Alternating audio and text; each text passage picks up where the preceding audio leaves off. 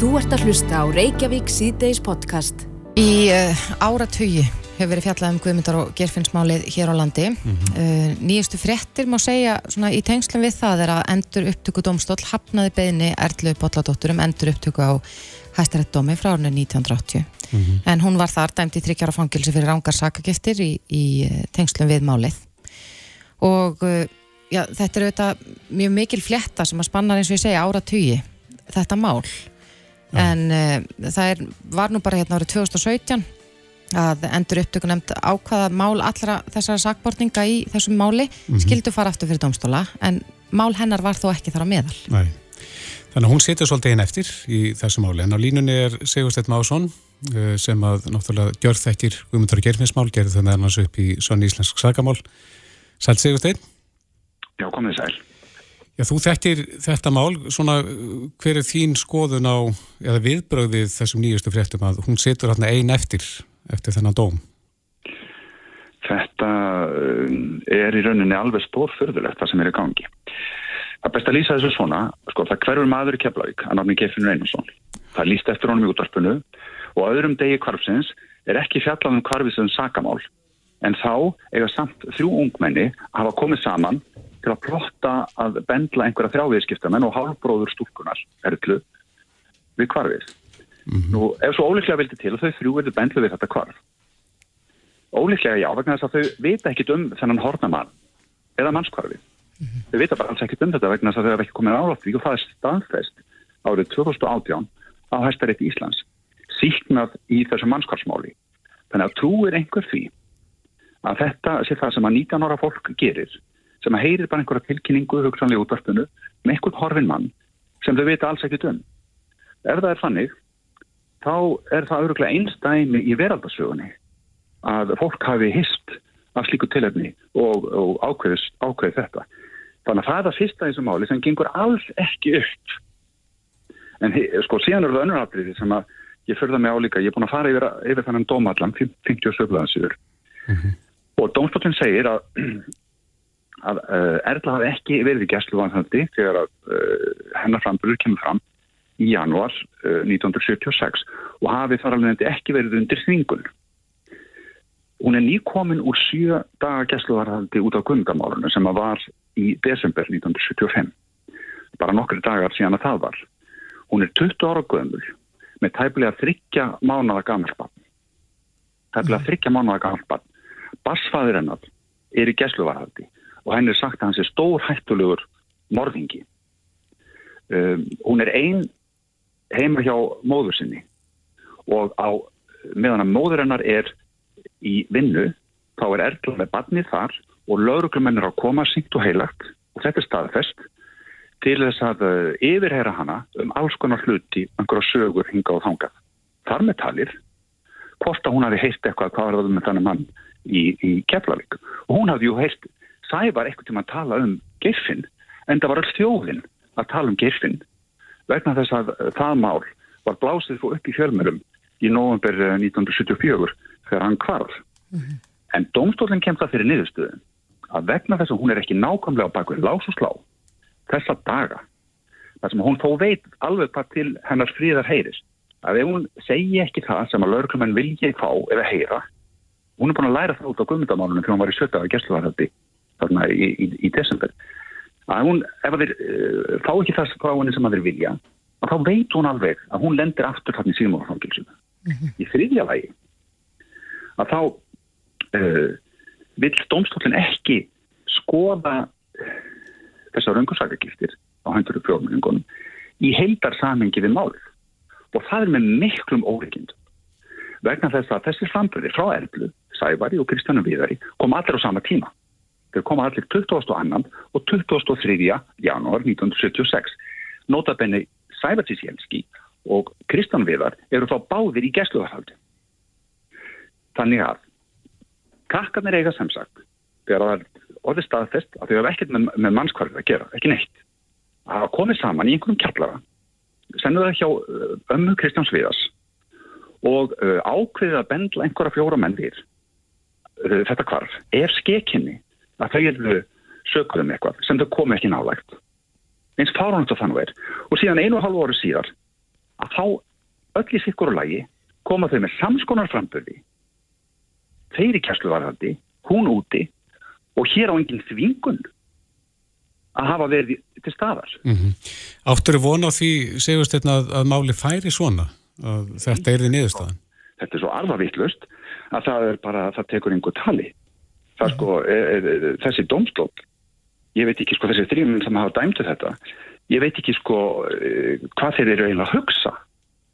Ég veit ekki hvað þeir eru að hugsa þegar vegna þess að þetta gengur alls ekki upp. Þetta er alveg e, þetta er, þetta er svo vittlust að ég get ekki einu svona e, fundið lýsingar til þess að lýsa því hversu fannulegt þetta er. Og réttarfarið í landinu það hefur beðist líka nekki með þessari niðurstuðu af því að það eru auðvitað ekki réttaríki hér ef að menna alltaf hafa þetta svona en, en þetta er endanleg niðurstað getur, getur Erla áfriða þessu? Nei það er ekki hægt að áfriða þessum ósköpum til hæstaréttar þetta er endanleg niðurstað, endanlegu dómur uh mhm. -huh. þannig að uh, ég veit ekki hvað er til ráða hér en það er alveg augljóst að sko að þetta kerfi er svo samansúrað hér er augljóslega verið að uh, venda einhverja annarlega hagsmunni einhverja afila sem að fól, fóla ekki og fóra ekki að sannleikurinn líti dagsins ljós og staðrendirnar í málinu Uh, og réttlætið sigri. Mm -hmm. En eftir stendur, uh, Sigursteinn, að, að þegar að eftir það, sérstaklega hýna hæstaréttadómana þar sem þeir voru síknaðir, þá stendur eftir hvað varðum um þessa tvo menn. Er, er ástæða til þess að, að Lörgland taki þá rannsókninu upp aftur til þess að reyna að komast að því? Já, það fyrsta er náttúrulega að sko laga uh, þetta sem að hér hefur farið svona alvarlega úrskeiðis hjá uh, domstólnum bara uh, þessi, þessi dómur uh, næri ekki nokkur átt. Hann er ekki tækur. Þannig að það verður að laga þetta með, einhverjum hætti. Ríkistjórnin stjórnvöldin verður með einhverjum hætti að bregðast við þessu og það verður að ógilda þessa niðurstu af því hún gengur ekki upp. Mm -hmm. Þetta, er, þetta er hérna þetta er aðlaga að réttaríkina þetta snýst ekki bara um erglu botládóttum þetta snýst um sko það hvort að uh, það ríki réttaríki, hvort að það er réttaríki á Íslandi eða ekki. Það snýst hreinlega um það. -hmm. Hvað síðan varðum mennina eru þetta annar mál. Það er sannað að þau höfðu ekkert með þetta að gera og það er bara uh, afgreitt út á borðinu. Þó að það sé verið að reyna að halda þessum raungursakagiftum inni að þeirri ástæðu einni að uh, venda uh, þá aðila sem að bera ábyrða málaregsturinn sem að byggja þetta til vegna þess að klúpsmennir voru það var, það var verið að uh, reyna að ná klúpsmönnum og setja þá á bak við lás og slá alveg frá 1972. Hallvarður Einvarsson og, og Kristján Pétursson og allir þessir aðilar sem hafa komið síðan við sögu gerfinsmálsins, þeir voru að kafi því að reyna að ná klúpsmönnum alveg frá 1972. Það tókst ekki og þá var þetta reynd árið 1975 á gamla ástag þegar Hallvarður Óskar eftir öllum gögnunum og keflavíkur rannsókninni til þess að setja gerfinsmáliða nýju af stað og það, er tremur vikum áður en nokkur skísla er komin frá Sævari Sísjelski Kristjánu Viður eða Erlu Bolladóttur. Þannig að hér er um samsæri yfirvaldan að ræða. Það er augljóst mál og hverju sko sex ára barni er auðvitað ljóst að þetta getur ekki verið með þeim hætti sem að þessi domstól hefur nú komist að niðurstöðum. En, en er, er eh, domstólin að byggja niðurstöðu sína hreinlega á því einhverjum svona tæknilegum mm, já, atriðum eins og að, að það hafi ekki verið dregin fram neinn sönnunagögn í þá átt að, að, að já, einhver, einhver ný sönnunagögn í málnu? Nei, hann slítur þetta bara einfallega allt úr samingi. Hann slítur, sko, það, það er ekki hægt að slíta raungur sakagiftirnar úr samingi við sagamálinn sjálf vegna þess að raungur sakagiftirnar verða til 1976 í upphafi geirfinsmálsins eftir að það er aftur komið til Reykjavíkur eftir að það er búið að taka það til Reykjavíkur frá Keflavík þannig að sko Eh, raungursakagildin það snúast um þennan hornamann, þennan gerfinn sem að þau þessu aldrei hausni sporða á og er nú sannað af hæstarétti með síknu domnum hans. Mm -hmm. Þess vegna gengur ekkert að halda þessum raungursakagildum inni en þá, eins og verðum að gera þarna. Uh, en þið spyrir sko hvað varði mennina? Mm -hmm.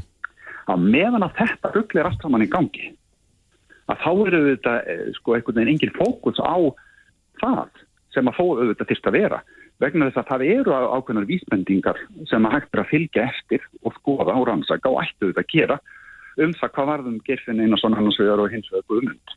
Er hægt að rannsaka það núna í dag og, og fylgja þessum vísbendingum eftir? Ég, ég trúi því, já. Í báum tilvægum sé það hægt. Hefur þú fengið eitthvað vísbendinga sjálfur frá fólki sem að telja sig vita hvað varðum mennina? Já, ég, minna, sko, ég skoða þetta mjög vel á sínum tíma og, og auðvitað hafa ímsa vísbendingar komið síðan. En sko uh, aðalatrið eru þetta, það eru bara réttir aðalar sem að verða að rannsaka það. Mm -hmm. En sko hverjir eru henni réttur, réttu aðalar?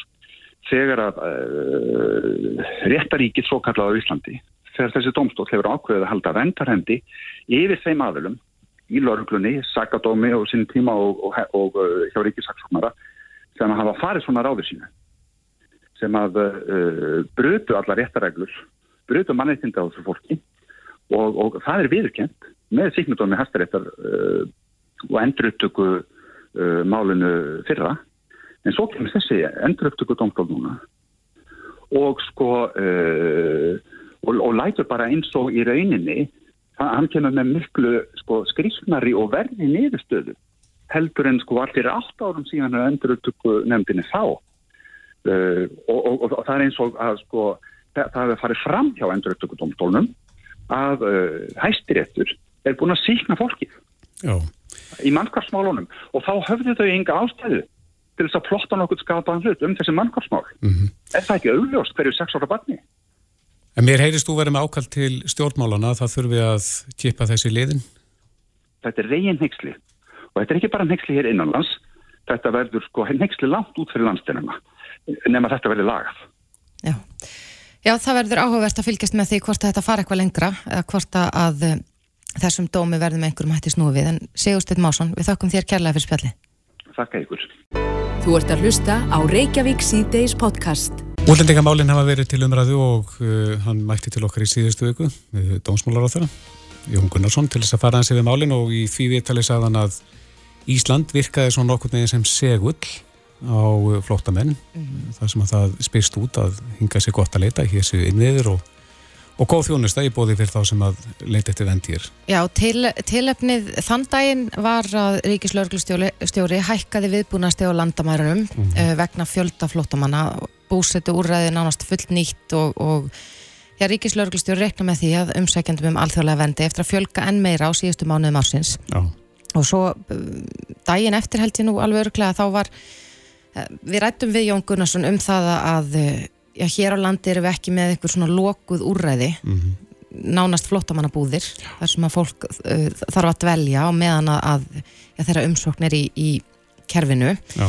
og Gilvið Þór Þorstinsson sem að sér um móttöku flottafólks frá Ukrænu sagði mm -hmm. það í viðtali við þréttablaðið að, að við vildum forðast það í lengstu lög að opna flottamannabúður hér Já, og svo hefur útlendingafrumvarfi verið uh, ég held að hann Jón Gunnarsson sé að fara að leggja það fram í fymta sinn þó að hann hafi nú ekki lagt það fram í öll þessi fimm skipti mm -hmm. en það er spurning, það hafa margir gaggrind frumvarfi og sagt það ganga of hart fram og ganga of langt en uh, hver er millivegurinn í þessum efnum? Hvernig getum við fundið farsarlausn og, og, og gengi úr skuggum það að innviðnir okkar hvort sem það er búsetta eða skólakerfi, heilbreyðskerfi, hvað sem er geti þjónað öllum. Einmitt. Helga Val Helgadóttir, þinkona samfélkingarinnar sem að þegar nú úr starfaði lengi vel að málefnum flótamanna sem hinga leituðu, eh, er á línunni, kom til sæl. Komið sæl. Já, það þarf að finna eh, eitthvað meðalveg þarna í þessu og hvar liggur hann?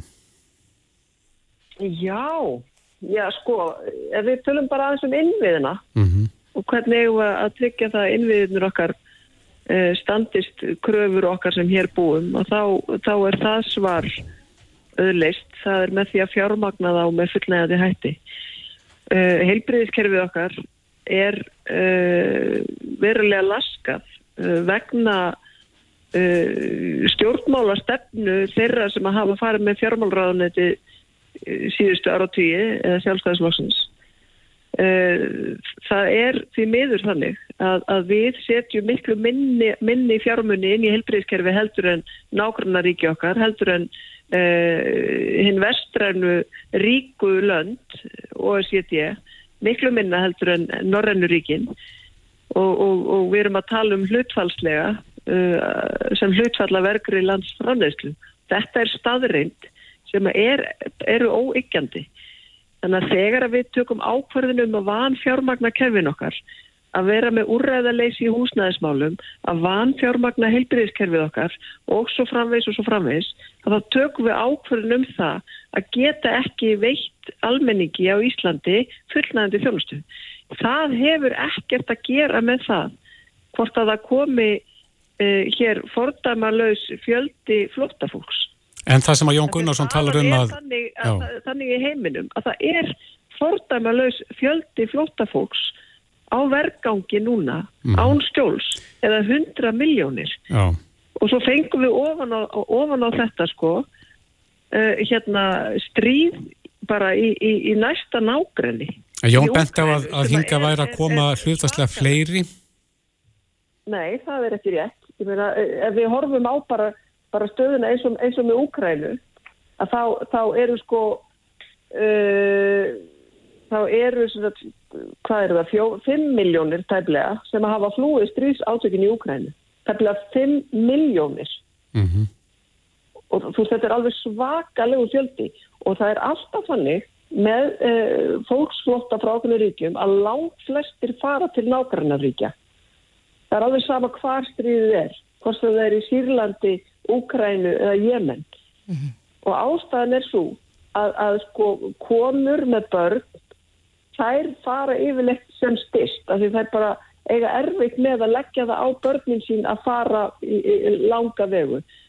Það sem að gera verkum að, að fólk frá Úkrænu kemur hingað er að því að þegar þau komið með landamæra þá eru þau, veist, þau eru komið til Evrópu. Og hinga hafa komið 1600 manns. Auðvitað er þetta fordamælus fjöldi en það eru auðvitað líka fordamælus fjöldi að 5 miljónir þurfi að flýja stríðs átök frá því í, í, í, sko, í byrjun árs. Já, en Helga Vala Fjölmennasti hópurinn er frá Venezuela og það eru 537 þannig að samtals eru þessi tvö ríki með 2200 af 2700 Já. Þetta er bara staðurinn sem við getum ekkert hort fram hjá En, Jón... við, við bara tókum ákverðin um að bjóða hinga okna faðminn fyrir fólki sem að er að, sko, býr við hryllilegt stríð í Úkrænu. Mm -hmm. Við erum ekki að bjóða hinga fólki sem að býr við hryllilegt stríð í Jemen eða Fyrlandi. Við ákváðum. Íslensk stjórnundur er stolt af því og reykja sér af því hér í ræðustólu annar staðar að hafa opnað fáminn fyrir, fyrir úkrænufólki. Já, en eh, Helga Vala, hér í síðustu viku þá saði Jón Gunnarsson við okkur að já, kerfið okkar eins og það er uppsett virkaður hennilega eins og segull fyrir þá sem að er að leita sér skjóls. Hvernig bregstu við því? Ég, ég held að þetta sé bara því niður ekki rétt hjá hann. Ég hlustaði líka á viðtalið sem að var í morgun í bítinu og það eru auðvitað marga rángfærslur uh, íslensk stjórnvöld taka áförðun um að, að, að veita sko fólki frá Venezuela viðbótavernd. Þetta er ekki beitt segur, þetta er bara áförðun íslenskra stjórnvalda og þetta er ekki alþingi sem tekur þessa áförðun. Það er, það er ráðferðar sem áföður þetta. Mm -hmm. en, uh, ég meina það eru önnur ríki sem að taka áförðun um að veita einhvers konar mannúðatvæla lifi til eins árs En þegar að fólk er að flóta undan einhvers konar ofsóknum, harðræði eða stríði, að þá reynir það bara að koma sér í skjól, fort sem það er eitt ár eða lengur. Veist, þegar að fólk leggur þá sig og börnin sín að fara á flóta, það er, anna, það er önnur hugsun í gangi heldur þegar þú veist bara að sækjum dvalarlega því að þú ætlar að byggja þér upp framtíð einhvers staðar. Mm -hmm. Þetta er fólk að flóta undan stríði og ofsóknum og sumstaðar auðvitað, auðvitað sko hamþörum. Þannig að við verðum að átt okkur á því hvaða inni, eh, sko, um hvað við erum að tala hérna. En þar var draga mörkin eitthvað staðar... Ekki, ekki vera endilega þar. Nei, en, en þar var draga mörkin eitthvað staðar. Er, liggja, er þröskuldurinn eitthvað staðar hversu mörgum við getum tekið á móti? Já sko, hann er auðvitað að leggja fram uh, hérna frumvart uh, til breytinga á útlendingalögum sem að, að sjálfstæðs uh, ráþærarnir hafa nú lagt fram fjórum sinnum og hann ætlar að leggja fram í fyrsta sinn. Það er ekkert í þeim, það er ekkert í því frumvarti sem að breytir uh, þess, þessu, þessari ákvörðun ráþæra að, að bjóða hingað flótafólki frá Úkrænu eða, eða, eða Venezuela. Það er ekki neitt verið að gera það. Og það er heldur ekki neitt þar sem að, sem að breytir því að, að sko fólk sem er að koma frá því sem að taljast vera öruglönd stoppa hér mjög stutt þú veist, hann er að segja að það fólk sé inn í 6-9 mánuði þjónustu það er ekki það sem að fólk sem að starfa inn í kerfinu kannast við sko. mm -hmm. þessi málsmeðferð tekur örfá að daga ef að umsókninni metin bersinlega tilhæfilegs þá er við nánast snúið við á landamærunum þannig er framkvæmdinn í dag þannig að, að, að það eina sem að hann er að breyta með þessum útlendingalögum ef, ef að þau verða eins og hann laði þau fram í vor er að, að sko byrðin, þyngdin á hérna á, á velferðinni og, og umönnun þessar fólk sem að hingaði komið hann veltir henni yfir á sveitarfélagin og fría ríkið ábyrg ég er ekki vissum að sveitarfélagin séu tilbúin til þess það bara finnst mér mjög ólíklegt og það er innihald meðal annars frumartsin sem hann laði fram í vor Já. og er örgulega að fara að leggja fram núna aftur ef að það hefur komist í gegnum ríkistjórn í, morgun sko. Já, býstu við því að það verði mikil átöka eh, á þinginu út af þessu frumarpi eins og hefur áður verið? Ég hef að segja frá því í morgun að, að, að, að það væri lítilega breytt ég menna, ég, ég ger ráð fyrir að það ekki búið að taka út COVID ákvæðin sem, sem að voru inni en annað ekki þannig að hérna, ég, ég á ekki vona því að þetta renni mjúglega í gegna því að það sem að hann er að gera í þessu fljóðvarpi og, og þessi sjálfstæðis ráðara sem að hafa lagt það fram áður er að það verður að slista fólk ákveðnum grundvallar réttindum sem að við erum skuldundin til þess að veita bara sem, sem, sem aðilar að, að, að alþjóðlega flóttamannasamningum.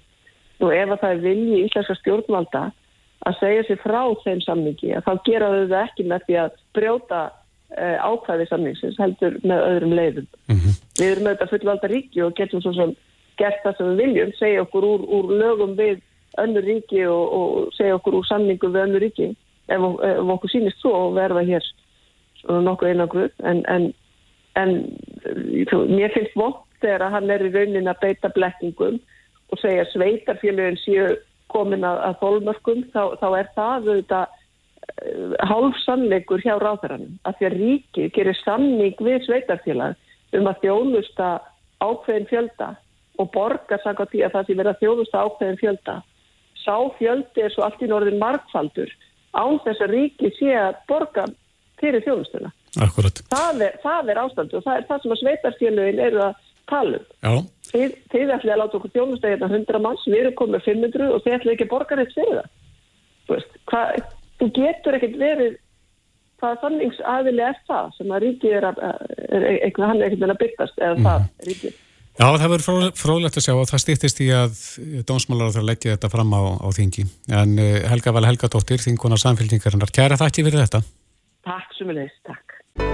Þetta er Reykjavík C-Days podcast. Hætt þessu væli, segir þessu lagi, en uh, það, það hefur verið og maður finnur það núningur milli ökumannabifriða, annars vegar og svo hjólræðamanna. Já, og við höfum nú oft uh, rætta hér hvernig við getum nú lifað í sátt og samlendi á vegunum Já. með hjólræðamönnum einmitt en uh, ég man nú eftir því að það ringdi einu svona maður hérna í síma tíma til okkar sem að keirir mikið mm -hmm. ringin í kringum landið og bara kvartaði sáran yfir hjólræðamönnum en hjólræðamenn kannski kvarta sáran yfir aukumönnum. Einmitt og sömstæðar eru ekki aðstæður fyrir hjólandi eins og eins kannski og bestur rákósið mm -hmm. En eh, hann er komin til okkar til þess að ræða þess þessi mál. Birgir Fannar Birgirsson, formadur reyðhjólabænda, velkomin. Já, takk. Eitt af því sem hefur verið aðeins til umræða núna er þessi, þessi regla um það að, að ef að ég kem akandi á mínum bíl og það er hjólræðamaður á veginum þá þarf ég að vika einn og hálfan meter frá hjólræðamannum ef ég ætla að taka fram úr. Akkurat. Er þetta ný regla? Þetta er regla sem kom inn í umfæralögin og varð virk 1. janúar 2020 þannig að hún er að verða þryggjar á gömul mm -hmm. og það er eftir fyrstu heildar endurskoðun umfæralaga í rúmlega 30 ár. Sko ég er með bílpróf ég var að komast að þessu reglu fyrir svona, já, cirka tveimutöfum. Akkurat, það er hluta vandamálu. Já. Þetta var kynnt svo lítið þegar reglan tók gildi í janúar 2020. Þá útbjóð samkvæmgustofið samstarfið laurugluna kynningamindband mm -hmm. sem var dreift á samfélagsmiðlum og, og náttúrulega vefsfæði hérna, samkvæmgustofi og svo leiðis í eitthvað svolítinn tíma. Ég ætla ekki að fullera eitthvað svo langan en mér fannst hann allt á stuttur og ég stein hiss á því að, að til dæmis aukuskólar hafi ekki tekið þetta efni upp og hreinlega bóðið fólki stutt námskið í því hvernig á að haga sér nála tjólundum fyrir að svo framvist því að það er full þörf á því. Við erum með margar kynnslóður aukumanna sem kunna þetta ekki, hafa aldrei fengið fræðslið í. En það sem er ennþá verið er það að það hefur ennþá ekki verið breytt kennsluðefni. Þannig við erum ennþá að menta nýja aukumenn sem kunna þetta ekki mm. og fá afskaplega litla fræðslið í. Mm -hmm. En þessi, þessi lagagrein eða þessi hérna, þetta ákveðum að maður eigi að hafa 1,5 metra Aha. það er ekki mjög öðvöld að koma því við allstæðar á landinu þar sem að vegakerfið eða, eða hönnunin býður ekki upp á það. Alveg rétt, því að náttúrulega nánast allt okkar vegakerfi byggt upp áður en þessar regla kemur til. Mm -hmm. Þannig að það er sko skiljanlegt að hafa tekið tillit til þess þá. Við erum líka í landi sem hefur ekki efnaði að leggja bara nýja hjólastíga út um allt svo við getum aðskiljuð umferðina. Þannig við verðum að taka þetta svolítið praktíst. Mm -hmm. En það kemur mörgum óvart að þessi regla um það að það megi hjóla á götum og ögum hefur alltaf verið inn í umfralögum. Það sem hefur breyst er það að sérstaklega eftir hrun, þegar að fólk fór að skoða aðra leiði til að komast að millja staða heldur en í dýrum engabílum mm. og margir völdur eithjól, að þá hefur orðið sprengingu fjölda hjólveðafólks. Mm -hmm. Og það er það sem er síðan að valda núningnum núna. Mm -hmm. Það eru orðin það margir að það þarf að fara að taka tillit til að það er ekki lengur hægt bara að bóla fólk í burtu. Nei. En eh, tökum bara dæmi úr umferðinni, nú ker ég oft millir Reykjavíkur og Selfoss og uh, þessar vegakslir sem að hjólræðamenn halda sér ofta á eru bara sára litlar, þetta eru er kannski 70 mestalega 1 metri. Já og alveg niður í 15 cm á sumstaðar. Akkurat og sumstaðar er, er vegrið mm. þannig að það er ekki hægt að fara mynda þennan 1,5 metra. Það er alveg. Hvað eiga menn að gera þá? Þarna myndast kannski eitthvað smánúningur. Akkurat alveg eins og allstar annar staðar, þá eigum maður bara að fara að umfyralögum og þá jæmtu um báðaðalega. Ah. Það er að segja að aukuminn eiga hæga á sér og býða eftir tækjaru til að fara fram úr. Mm -hmm. En það er sjálfsögðu líka ef að vegakablin er langur þá á hjóluða fólk að sjálfsögðu að sína þá skynsum og tillitsum að stöða út í kant og hleypa fram úr og svo framvegs. Þetta er samspil. Mm -hmm. Þetta fer mjög mikið eftir aðstæðum á hverjum stað þess að þetta er erfitt að fullur það um það. Ah. Og lang flestum stöðum þar sem eru þrengingar á vegum og svo framvegs, þar eru vegakabli mjög stuttur. Mm -hmm. En hver væri svona, sko það nú er oft talað um eins og særi þetta, við erum, eigum ekki andalasa peninga til þess að búa til eh, hjólastíga um allt land, væri það drauma staðan fyrir ykkur hjóluræða fólk? Ekki endilega, því að það fel líka mikið eftir umferðað magni til dæmis bara svo, ef, ef ég leiði mér að tala um Reykjavík eitt augnablík sem er með ágætast hjólöða áallinu gangi, mm -hmm. að þá var á einhverju tímapunkti ákveðið í henni að leggja hjólastíga við hliðin á fáförnum íbúðagötu með 30 km hamasræða og það er bara engin þörf á því. Það er mjög auðvilt sem hjólandi að nota þannig götu til að komast á milli staða. Þannig að það þarf svolítið að hugsa heildarmyndina og það sama á alveg við um sko ímsa þjóðvegi og sveitavegi. Þar er umferðin ekki það mikil að það er engin þörf á sérstökum hjólastíg við hliðina margir hafa síðan stungið upp á því að akkur er ekki hægt að nota reyðstíga þar sem þeir eru fyrir hendi. Það eru auðvitað ekki hægt því að þeir bara hendi ekki til hjólaða. En skapast þá ekki líka núningur við, við akkurat. akkurat en það vilja allir íta hjólaða fólki yfir okkur annan. Og svo er það göngustíðarnir þar skapast já, núningur já. Við, við gangandi vegfærandur og þar aftur sko að þar verður hjólaða fólk nú aðeins að hérna, sína þólumæði og taka tillit því að það er í umfærarlöðunum á nokkur svafa að hjólaða fólk er gestir á göngustíðum mm -hmm. og, og á, að fylgja, á að fylgja hraða þá gangandi? Eh, ekki endilega, en eiga að taka fullt tillit og að sjálfsögur nálandi gangandi, nálagt gangandi umferð á, jú, eins og þú segir, að vera ekki á þeim hraða að það valdi fólki hjart áfallið eða eitthvað. Mm -hmm. En einmitt út af þessara reglu, að það væri miklu skinsamleira ef við myndum hafa pláss fyrir hjólandumferð á götum og vegum. En hver er þín tilfinning? Er, er núningurinn milli þessara, allar þessara aðilað aukast eða er hann að minka? það er mjög erfitt að segja. Ég held að almennt síðan síðan að minga. En þar sem að fólk hefur heitar meiningar um þetta, þá er það að verða hávarar og hávarar. Þannig ég held að, að sá hópur sem hefur sér mikið í frammi og mótmæli hjólaða fólki er, er að minga. Það eru, eru fleiri og fleiri að sína því skilninga. Við þurfum alltaf að komast frá ATB og við hefum að geta vali hvernig við gera það. En þeir sem hafa hátt, þeir hafa herra en áður. Mm -hmm. og, og til að mynda þetta atvík sem sett í svona þessa nýjustu atbærar þessi gang þar sem aukumæður tekur fram á 13 hjólaðamönnum innan sömu mínútu á stað þar sem var nánast engin umferðamóti án þess að gera minnstu tilhund til þess að við getum liðar. Og var eh, nægt pláss til þess? E, nei, þetta er innan agrennar sem er alveg niður í fjögra metra breytt. Mm -hmm. Bílinn er að minnstakust 1,75. Hann á að hafa 1,50 í millipil og þá hefur eftir að gera bíl begja vegna út í kantana og pláss fyrir hjólaðamennin. Mm -hmm. En eh, sko þú sagði ráðan að eh, ég sangat umferðalögum að þá eru hjólræðamenn gestir á göngustígum. Akkurat. Á það sama við á uh, vegum? Nei. Eru, eru hjól ekki gestir á vegum? Nei, hjól eru aukutæki í skilningi umfæralaga. Nú er Það aðeins búið að vera að tala um það að Kemur mörgum ávart. Já, en, en, en hvað með eins og, eins og uh, já, þeir sem keirum á bílu og spæn upp, spæn upp malbyggið, kemur til greina að hjólræðamenn færa að greiða í sameila sjóðu til þess að nýta veina? Hjólaðamenn gera það. Mm. Því að það er nána, ég ætla að leiða mér að fylla það að sá fjöldi hjólaðafólk sem er bara hjólaðafólk er afskaplega lítill. Lang flestir eiga líka bíl og greiði alla þessa sjóði. Það að það, þetta fólk velur að fara um á hjólunni sinni í staðin fyrir á stóra bílum, það mingar slítið. Þannig raun og veru er þetta fólk að borga meira en það ætti að gera. Þannig að þetta er svolítið skrítun umræða ef við förum út í smáðatriðinni. Já, já. En varandi þessa reglu með eh, þennan einn og halvan vetra, viljið þið að það sé tekið harðar á þessu og það, það er lögreglan að fylgjast með því að þetta sé virt? Við viljum bara að einhver geri eitthvað til að framfylgja því.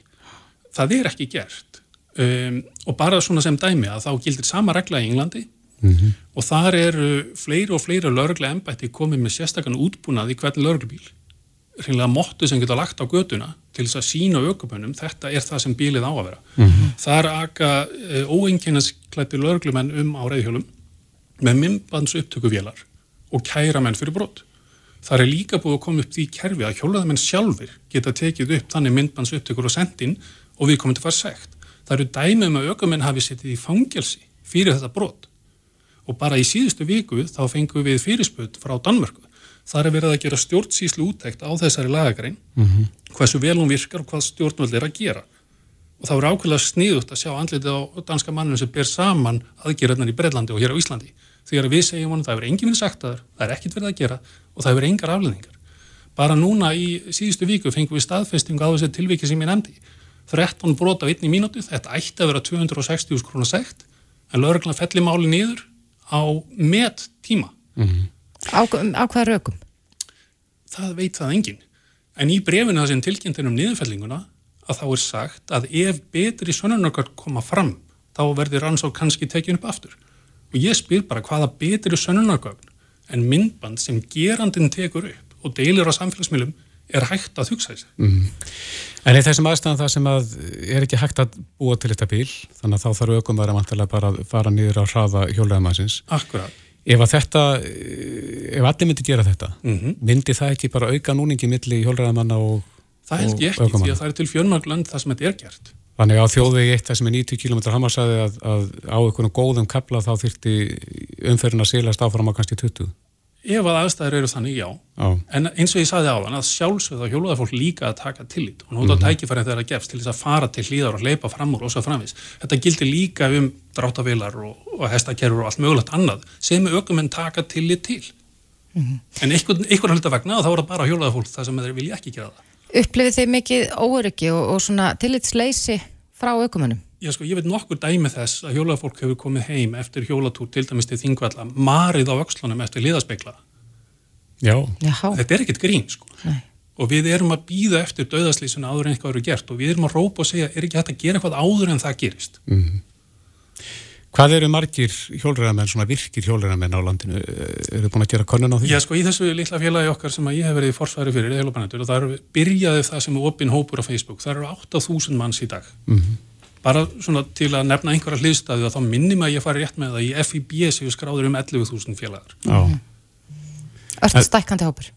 ört stækkandi og, og sérstaklega undanfarin ef að segja tíu ár, eitthvað svo leiðis og það hefur náttúrulega verið mikil sprenging í sko alls konar viðbörðin, hjólaða keppni hína þessu, vá sæklóþónu keppnir og mörgum í, í fersku minni sem að hérna, leiðum til loknýlega og þar voru um það bíl þúsund manns að taka þátt á hverju ári, margir að kaupa hérna, hjóli fyrsta skipti þetta fólk er allt núna, eða margt af því að stunda hjólara enn þann dag í dag sem sinni samgöngum á það Þið lentuð í ykkur áfallið þekkjum daginn, var ekki brotast inn í okkur?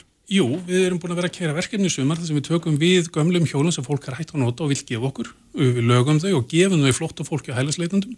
Við erum aðstöðu fyrir þetta inn á Sævarhafða inn í Reykjavík. Þar var brotist inn, stólið hjólum og verkfærum og hínu og þessu sem gera það verkum að við sjáum okkur bara ekki fært að halda áfram. Þannig að nú leggst þetta verkefni af. Það leitt að heyra. Já, en svona það.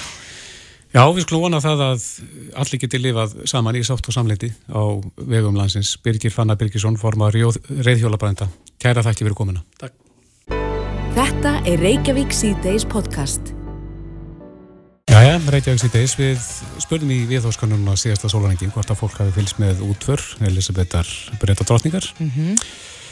Og það voru 40%. Já, færri en ég gískaði. Já. Nákvæmlega jafn margir og bræði gískaði. Já, mér finnst þetta samt svolítið mikið, svona með að við vinnudag, að 40% hefur verið með annað augað á þessu, allavega. Já, það voru auðvist líka margir með annað augað á, á uh, vindmilunum í þykvabæði dag. Já. Kanski ekki alveg uppspennandi eða hvað, ég veit ekki. Já, þeir tóku þetta bara eins og skóarhagsmenn. Já, akkurat. En að allt öðru, um, mikið rætt um ADHD í okkar samfélagi og margir uh, já, stundum heyrum að það rættir hvers vegna eru fleiri með ADHD hér en, annar staðar Mm -hmm.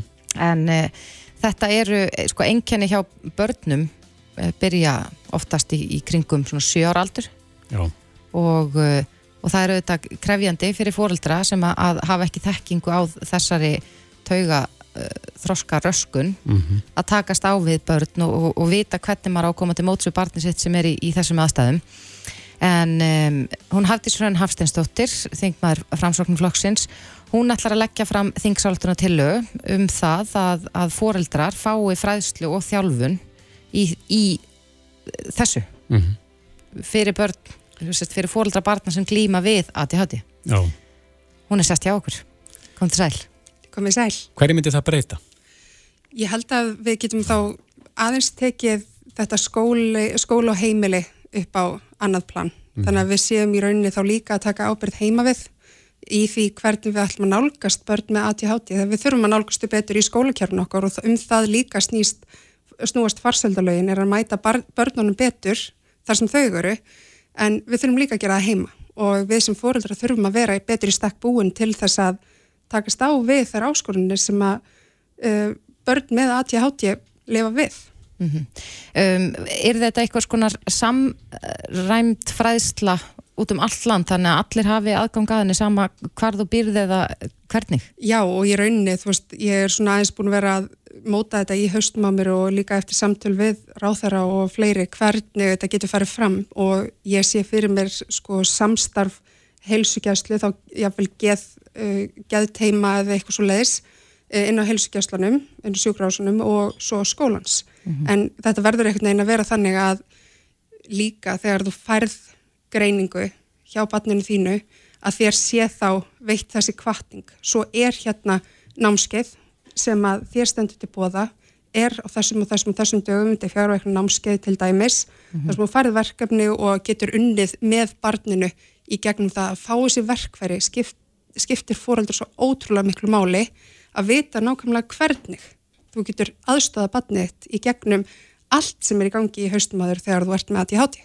Akkurat, en nú er mikið talað um bygglista og uh, það er gríðara lang, langur bygglisti fyrir börn í, til þess að komast í greiningarferðlið. Akkurat. Ég held að hér í Reykjavík er þetta 2-3 ár þar sem að já, barn kannski byrjar um, um 6-7-8 ára aldur og er ekki að fá endanlega greiningu fyrir einhverjum árum síðar. Akkurat. En, en hvað með þetta millibill? Væri ekki hægt að bjóða fóruldrum sem eru þar sem börn er að glíma við einhvers konar vandamál, kannski ekki búið að staðfesta ADHD greiningu, að bjóða þessum hópi líka fræðslu? Jú, og þar kemur einmitt skólinn svo vel inn í þetta og er sinni svo mikilvægu hlutverki út af því að það er, það yfirleitt byrjar þar, að þú sækir um þetta í gegnum skólan, skólinn fer og síðan vinnur í gegnum það að fara í gegnum umsóknarferðlið fyrir þig og sækja um greiningar og allt þetta, mm -hmm. að þá þegar það kemur upp grunur um það að bara sé með ADHD að það sé greipi strax og að fóraldrinni séu í rauninni tekni með inn í það því að þá getum við í rauninni tekið samstarfi um það að gera það besta fyrir batnið svo miklu, miklu betur sko. Er komin ykkur vermið á þetta? Ertu búin að kostnaða greina? Nei, ég er ekki búin að því en, en eins og ég segi, þetta er bara á fyrstu stegum mm -hmm. og það er mikill vilji fyrir því að fara áfram með þetta og ég bara gerir mikla vonur til þess að við getum farið áfram með þetta og svo ég segi svona kannski aðeins baksöguna að því að mm -hmm. ég er að leggja þetta fram þá er það þannig að þú veist, nú er við með ég með barn sem er ábyggðilista búið að vera ábyggðilista í eitt og halvt ár og við þurftum að sækja okkur alla þessa fræðslu sjálf mm -hmm. Og, og hvar, hvar gerðu þið það? gegnum ATHT samtökin, mm -hmm. gegnum danskar síður, Danmörkar er þetta ótrúlega vel, þeir eru að fóra á stað með svona rannsókn þar sem við tóku nokkuð börn og fóru í gegnum svona fjagraverknu námskeið og fóröldar fengu alltaf verkefni sem átt að vinna með ein, eina viku, komu svo í næstu viku og gera grein fyrir hvernig búið að ganga, fengu þá nýtt verkefni til þess að geta í rauninni mætt barninu betur og það skilaði ótrúlega góðum árangri. Akkurat. Þannig að, að þú telur að, að þetta erði já, góð leið til þess að samræma svona jafnvel viðbröð uh, fóreldra og skóla uh, og mæta barninu þar sem það er. Já, ég held að þetta geti verið mikið bóta fyrir, fyrir börnun okkar út af því að við þurfum, það er ekki nóga að þetta séu þessir sex tímar í skólanum þar sem að kennarinnir er að gera allt rétt, við þurfum líka heima að gera þetta rétt til mm -hmm. þess að í rauninni það er svo ótrúlega algengt að börn með ATHT upplifa að þeim sé að mistakast, þau eru að gleima hlutum, þau eru veist, ekki alveg með svona, við tölum um að hausin okkar virkar bræður í sig og þess vegna þurfum við í rauninni að geta aðstofa þau og gefa þeim í rauninni þann skilning heima við líka, þannig að við getum gert það bara miklu, miklu betur. Mhm. Hefur þú heyrst í, já, þú, þú segir nú sjálf frá því að, að barnið þitt er á bygglista, hefur þú heyrst í öðrum fóreldrum barna sem eru með ATHT sem að já, hafa sínt þessu áhuga? Já og í rauninni þá er búið að nálgast með alveg aragrúi af fólki í dag sem hefur verið að fagna þessu og bara taka undir að þetta gæti verið í rauninni til þess að einfalda þessa byggð, jáfnvel eins og þú segir að veist við getum þá bara byrjað á þessu og meðan að það er verið að býða en svo þurfum við náttúrulega að fara í það að stitta þessa bygglista uh, en ATHT samtökin höfðu líka samband við mig í dag og fögnuðu þessu framtæki þeir eru að gera ótrúlega góða hluti með sín námskeið þannig að er, þetta samstarf þarf bara að fara öflugur á stað og gera það í gegnum, gegnum sko kerfið okkar betur. Er þetta stór hópur? Ég held þessi mun, mun stærri hópur heldur en við gerum okkur grein fyrir. Eins og segir, hver tvö, hvað sagður að vera mörg börn á bygglista bara í Reykjavík? Ég, ég, ég giskaði á þetta að væri eitthvað svona á bygglinu 2-3 ár. Já, já, akkurat, 2-3 ár og ég meina að veist, það, er, það eru greiningaferðli í gangi á hverjum einasta degi og ég vil mörg börn á dag, þannig að Þetta er tölur fjöldi. Þetta er tölver fjöldi mm. og ég er ekki alveg með tölun á hreinu á þessum tímpunkti en ég þarf að skoða það hversu mörg börn er á bygglista. Mm -hmm.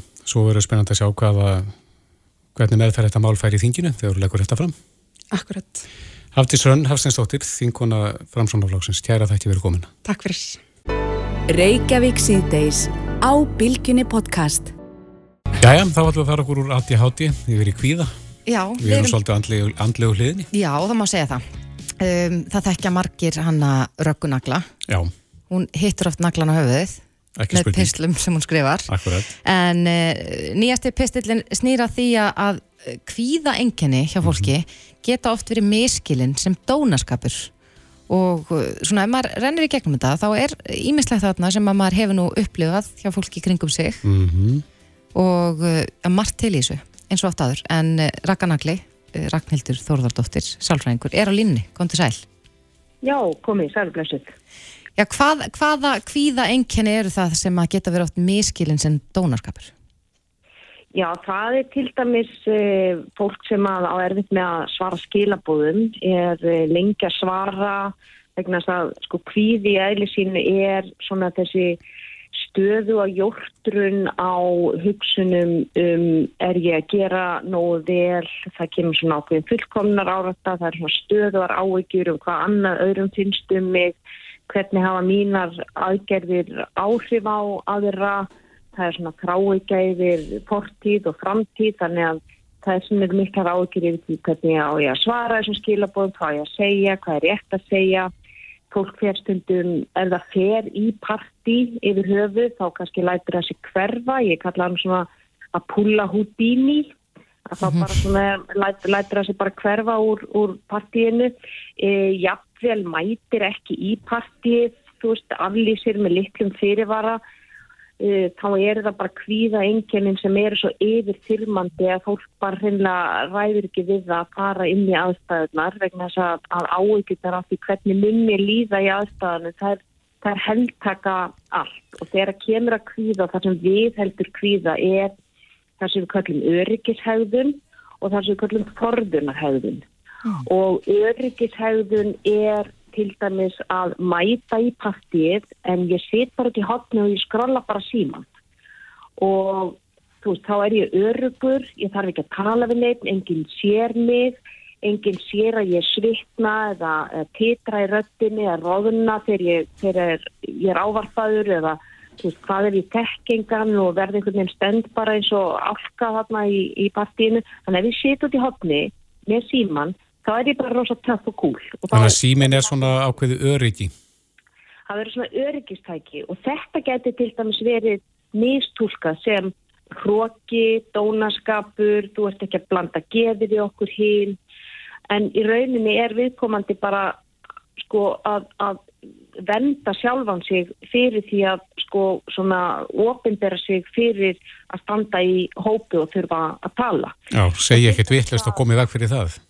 Já, segja ekkert vittlust mm -hmm. og Mhm. þetta er líka svona, það er hjá fólki með kvíðið svona ofur árvekni yfir eigin orðum, það er mikið að velta fyrir sig hvað segi ég, þannig að sko það er svona oft annars hugar í samræðum, þú veist, er, ef ég grýp inn í núna, ég þá eitthvað rétt, finnst henni leiðilegur, er ég, er, ég, er ég að segja, er ég nógu fyndin, er ég nógu skemmtilegur, oft forðast fólk augssamband, þá er erfitt með augssamband oft þegar það er svona alveg sósað í, í kvíðaenginnum uh, og, og jafnvel ljúa sig út úr því að hitta fólk og svo kemst jafnvel upp um það eða það er einhvern veginn búið að ljúa sig út í hotn og, og bara vegna þess að, að forðunin er þessi forðunahægðun sem er það að mæta ekki partíið eða aflýsa einhverjum fundum eða hittingum með litlum fyrirvara að það kemur svona léttir en á sama tíma kemur saminskupið. Já, þannig að maður bara við heldur mögulega kvíðanum þannig með því að, að hætta svona við. Já, sko, þú viðheldur kvíðanum vegna þess að þú ferð aldrei inn í aðstæðunar og sannar fyrir þér þetta var ekki eins blæmt og þú ímyndaði það. Mm -hmm. Það er yfirleitt með kvíða, þá er fólk að ímynda sér verstu mögulegu útkomi. Þú veist, að ef ég fer hérna í partí, þá verður ég gerður að háði og spotti, ég verður tjargaður og fyrraður, þú veist, ég, allir sjá að ég er með bólu eða þú veist, allir hlæja mér eða enginn vil tala við mig, til þetta, þetta verður svona spiluð worst case scenario ef maður slettur á ennsku og, og það er betra bara að ég fari ekki. Þá, þá slett ég við það en, en þá sannar aldrei fyrir þér að þú ferðin í partíð, þú þekktir fullt af fólki enginn hlóa þér, enginn sendir hæðnisbreyf og, og, veist, og það var bara gaman þannig að forðunahegðunin er, er verst mm -hmm. öryggishegðunin er svona næst verst En hvað er til ráða fyrir þennan hóparaka? Hvað þeir sem að upplifa sig í þessari stöðu hvað á, á þetta fólk að gera? fólk sem er með kvíða. Já.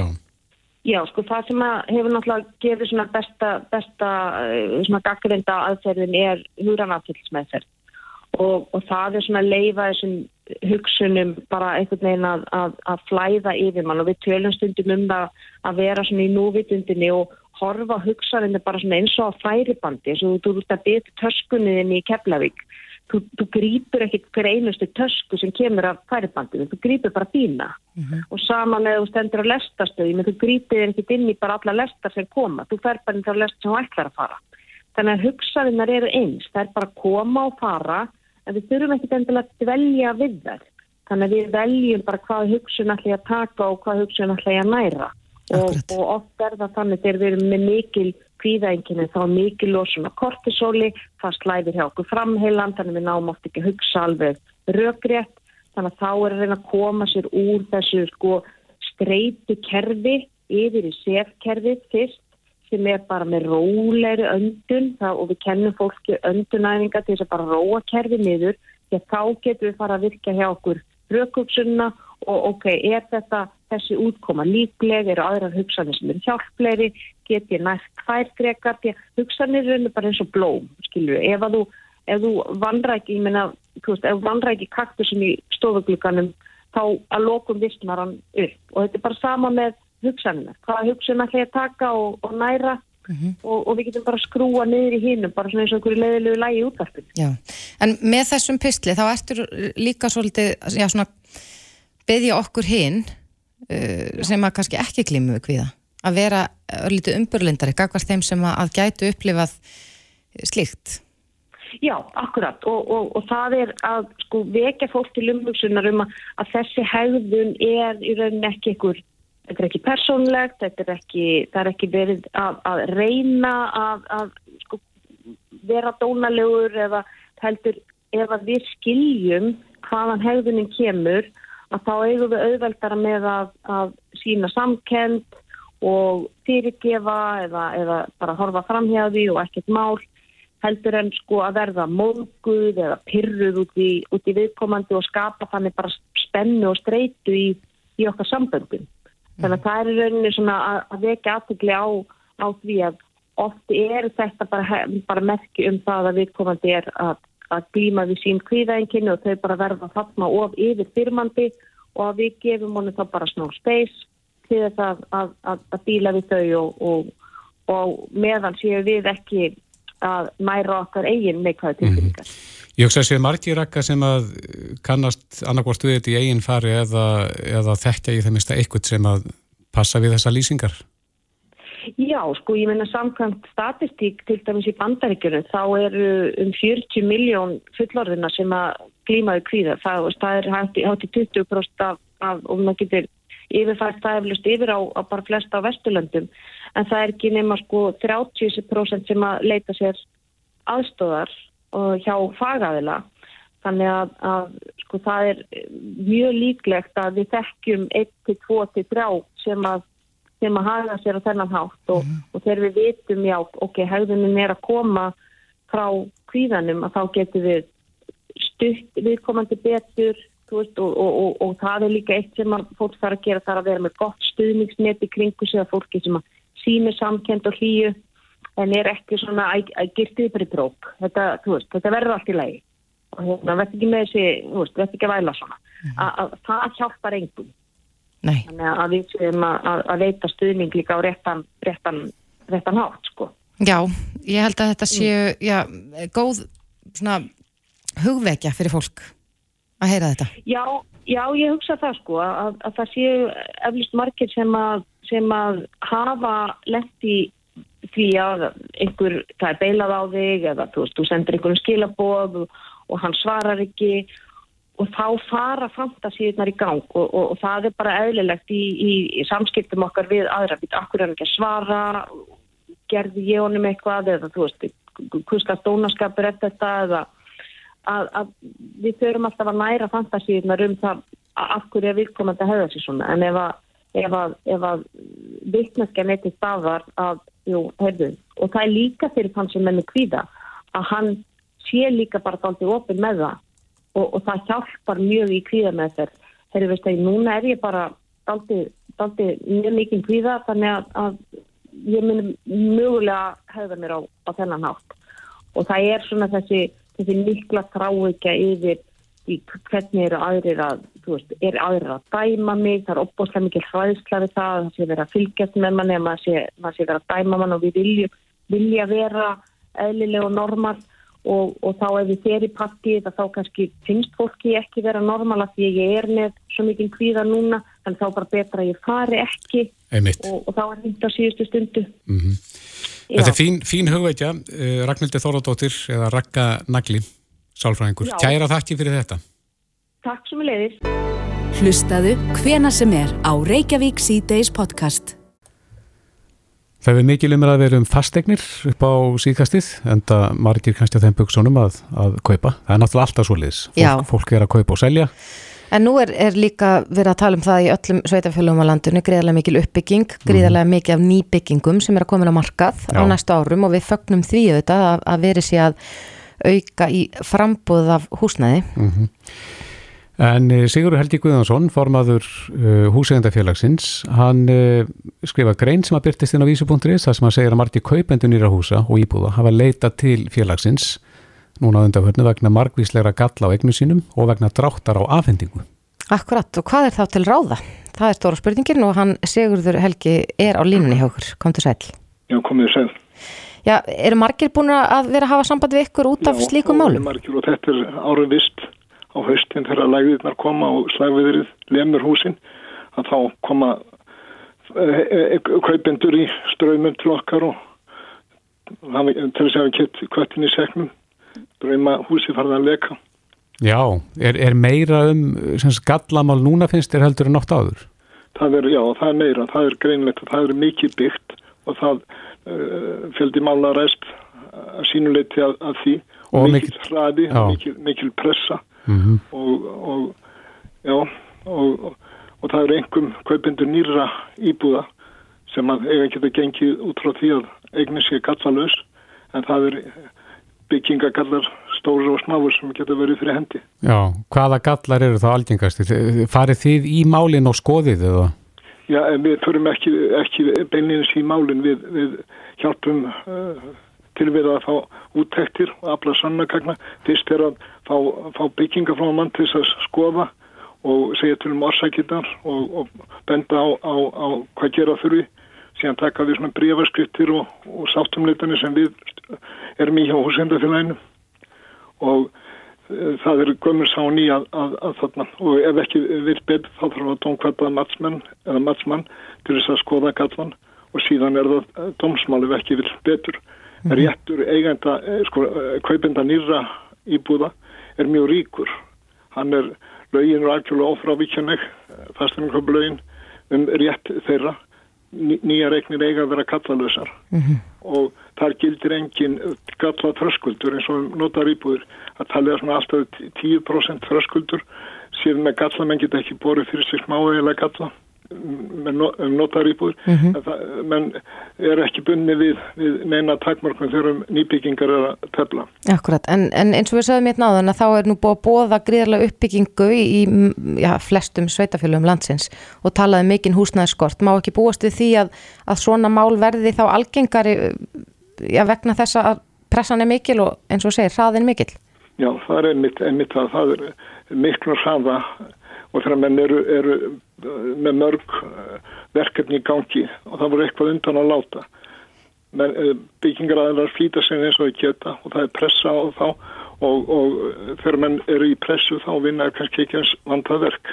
En er ekki eftirlitsmenn sem eiga að fylgjast með þetta sé allt saman rétt gert? Jú, ég það á að vera sko bæði byggingastjórar en samtlega gallamálinn í gegn, gegn og það uh, byggingar uh, fulltrúi á líka að hafa eftirlit en það er ekki mjög vilt. Nei, hvar liggur þá ábyrðin? Ábyrðin liggur náttúrulega hjá byggjandum og seljandum. Já, en hver er ábyrð eh, eftirlitsmanna sem eiga að hafa eftirlit með þessu að þetta sé rétt gert? Já, þeir, þeir, þeir bera fjárhanslega ábyrð. Það eru mörg dæmi það að byggingastjórar hafa verið saksóttir vegna, vegna þess að þeir hafa ekki staðist í stykkinu og meiri sé að uh, fastegna sáðar þó þeir séu ekki aðilar að kaupsamiki þá eru þeir ábyrgi fyrir að réttar upplýsingar og köklíki fyrir og þeir hafa verið dæmtir ábyrgir ef, að- ef að á hefur bjátað og þeir séu ekki aðilar að, að samniki. Hvað er það í, í hraðanum sem að gera það verkum að, að hús leka? Já, ég er nú ekki bygging frá með það, það er, það er e, sko ímsar orsækir geta verið fyrir leka, það er, það er þarna, frágangur, glugga, hurðir, þak, það verður að vera næg loftun og svo framvis, þannig að það eru margvísverð ástæði fyrir, fyrir gallanum sem að byrti síðan í e, leka. Ég hef uh, undarfærð orðin vör við það, ég er, ég er inn á okkur svona Facebook-hóp þar sem fólk er að spjalla um fastegnamál og þar eru margir líka kvarta yfir uh, reynlega að afhending er að dragast óhóflega á nýjum íbúðum. Já, já, Hvað gerir fólk í þeirri stöðu? Eh, fólk er bara í miklum vandræðum og oft er, eh, sko, oft er aðfinningadráttunum mikið, mikið aðröðaríkar og verri heldur en einhver smávælu galli. Fólk er búið að selja ofna sér og, og, og býður í ofannir svo d- dregst aðfendingin. Þetta hefur áhrif á skólagöngu batna og, og, og hvaðina sko og, og eh, byggingaræði bennast ábyrð á, á, á aðfendingadrætti og getur á skadabóta skildur ef að því er um hann er að tafla og eins getur eh, já, getur hann orðið uh, bótaskildu fyrir, fyrir uh, húsnæði sem að við komum þarf að taka á leigu eða útvega sér meðan býður eftir að eignin sé aðfend. Já, en hvernig gengur síðan fólki að, að ná rétti sínu fram? Sko, réttur manna er, er, er mikill samkvæmt lögum en hins vegar eru fastegna mál ekki góð. Þau eh, sko kvíla mjög funkt á fólki, það býr inn í gallanum og, og, og síðan sko eh, tekur langan tíma baróta dýr og þegar uppi staðið að þá tapar einu allir. Kostnæri við svona mál verður eh, svo mikill að hann, hann yfir trompar hagsmunna og ég verið viðlóndi þetta marga, marga áratvíi og ég hef aldrei hitt neitt sem að hefur farið í gallamál sem að verður sigri hrósandi. Hann stendur kannski með dómin í handunum fyrir utan hæstarétt og segir ég hef aldrei átt að gera þetta. Þá hann vinni fullnaður sigur, þá er tjónið og tapið og kostnæðin orðin það mikil. En finnst þetta fólk að ég þá ekki að sætja rétt sinn? Jú, jú, fólk á að sætja rétt sinn. Já, já. Mm -hmm. Það er bara auðvitað fólk að sætja rétt sinn. En ef það fer illa út úr og hefði kannski betur setið heima en að staðfarið? Það, það á við um, um, um öll dómsmál en, þarna, en þetta er ekki gott að Þú talar þarna um þessa bræður þrýr bræður, leki, rati og galli Já, þetta eru bræður sem að fara á stjá þegar að, þegar að haustregningar byrja Já, en, en hver eru þá úrræði kaupenda? Ef maður lendir í því nú að kaupa já, nýja egn sem er nýbyggð og, og maður tekur bara eftir því í fyrsta skipti sem það regnir að, að það mjög lekur allt heimi á manni Já átt að kvarta náttúrulega við byggingar og seljanda og hann á að koma og laga gallan. Ef það gengur ekki þá ættir að koma til uh, húsendafélagsins eða lögmanna og fá aðstóð við, við framhaldið. Flest má leysast með, uh, á, á, uh, á frumstígun mm -hmm. eða með skusti, já, það er, það er einslan. Það er sjálfgett að mál gangi svona langt eins og ég var að lýsa á þann. Já. En það er eins og Þórtís sagði þetta náðan að nú bara blasir við að það verður farið á fullti að, að byggja, þá þarf að, að hafa varan á og, og, og vanda til verka. Hvers er það að fylgjast með því að, að það, menn vandi sig þá hér eftir? Það er náttúrulega um, mannvirkjastofnun og það er byggingafulltrú og það, það eru þessir byggingastjórar og sem eiga að vera með þetta aðhald Já, þurfum eftir eitt með þá að hafa sérstaklega var á núna þegar þetta já, fer allt saman að fullt Sérstaklega var á sko og, og eh, það eru mörg dæmi um að, um, um að eftir þess að það hafi verið gerðin ábyrgir byggingastjórar mm -hmm.